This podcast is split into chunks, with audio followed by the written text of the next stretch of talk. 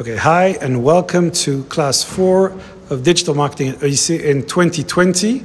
I have five people with me today. We're going to talk about hyperthinking, TEDx, changing mindset. So, what's your big takeaway uh, of today's session? And I'm going to start with you first. Tell us your name. Maria. Okay. Um, so, uh, what I took away from this lecture is uh, about the growth mindset, and that's the idea that um, our traditional education system consists of two uh, parts. Firstly, the fixed system, and secondly, the growth system. Um, and that's uh, also linked to hyper learning. So, the fixed system is um, how our uh, school system measures our abilities and uh, people with this mindset are uh, generally um, um, they generally don't uh, are not open to take risks and uh, they don't like to fail.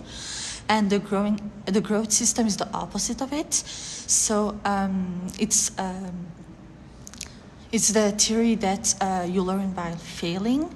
So um, you need to apply what you learn and um, you will eventually fail but that's how you will improve. And that's uh, linked to hyper learning. Um, hyper, hyper learning is the uh, opposite of uh, the fixed system. So um, uh, you really need to become a self learner um, to grow and uh, to learn more. Okay. Would you consider yourself a, a, kind of growth mindset person or a fixed mindset person originally? Um, well, originally I was more a fixed mindset person. Okay. Uh, but I think that um, enrolling in the English program uh, has made me like evolve. I evolved. I okay. think um, I applied more, and eventually I failed, but I learned from it. Excellent. So. Okay, so thank you very much. So good lessons in uh, the growth mindset. So next uh, we have you. So what is your takeaway? What's your name and your takeaway? Uh, my name is Arco. Uh, my takeaway is about my takeaway is about about uh, hyper shifting. Okay. Uh, like we, we mentioned hyper shifting, uh, like wearing goggles. Um, like when you wear goggles, you um, you think in a certain way. We have a specific way of thinking, and when you take off those goggles, you will change your way of thinking as uh, as well.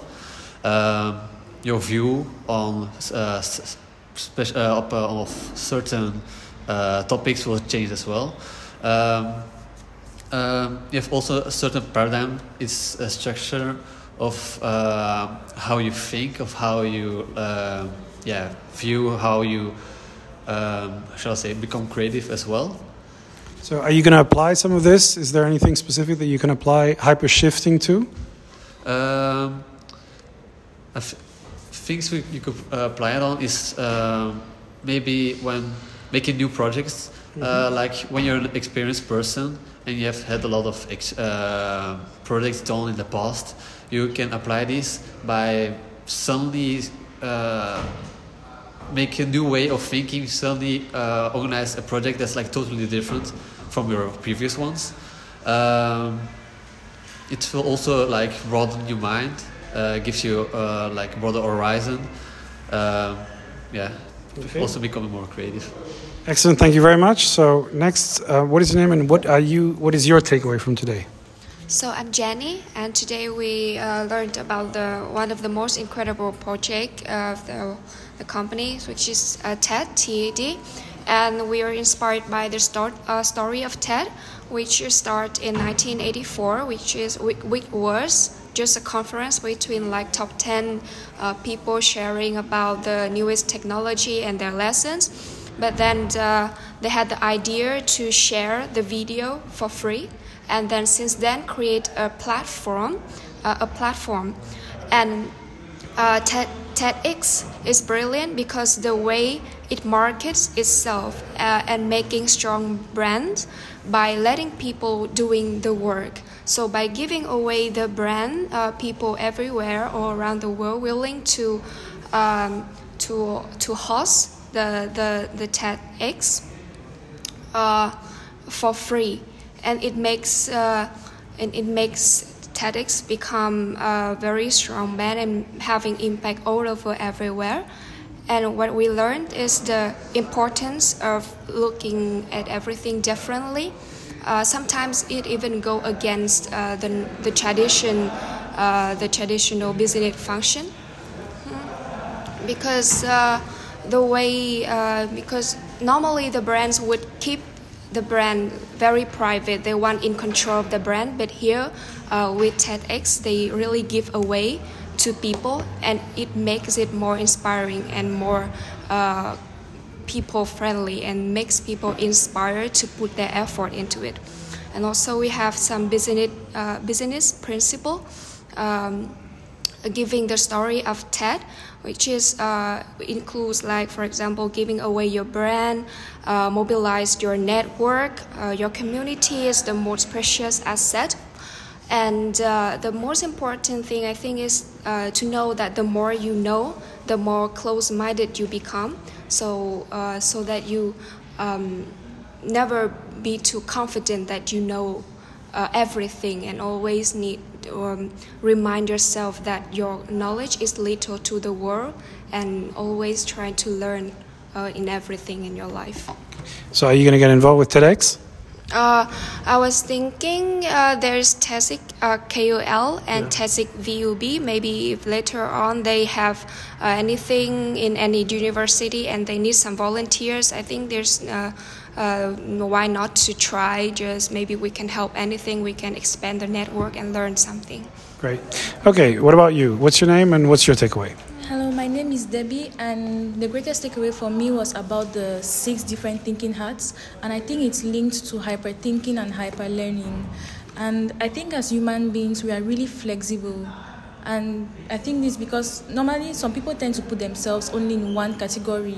Like what you said today in class, that um, some people think, okay, I'm not creative, I cannot go into marketing because I don't think I'll be able to come up with ideas. But if you go into the profession, in the beginning it may be difficult, but as time goes on, you learn how to be creative. So we can always learn.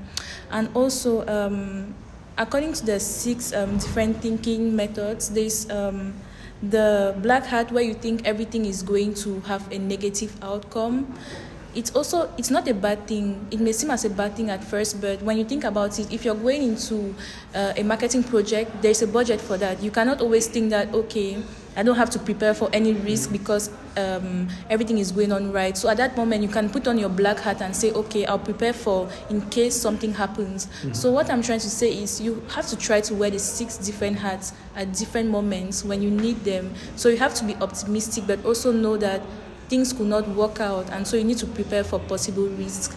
That's what I took from this session. Thank you very much. And least but not last, or last but not least, uh, what's your name and what's your takeaway?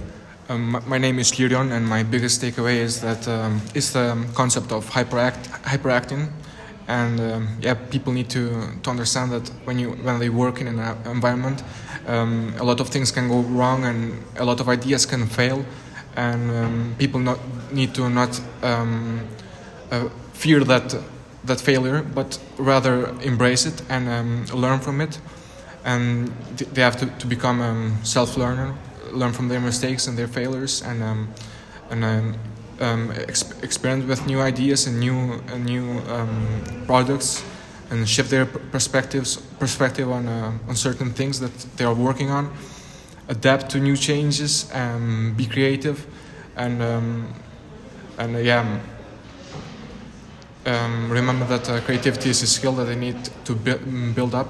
It, yeah, it takes time to, to be creative and yeah Okay. So thank you very much. Have a fantastic day. I hope you apply these ideas and check them out online. Bye.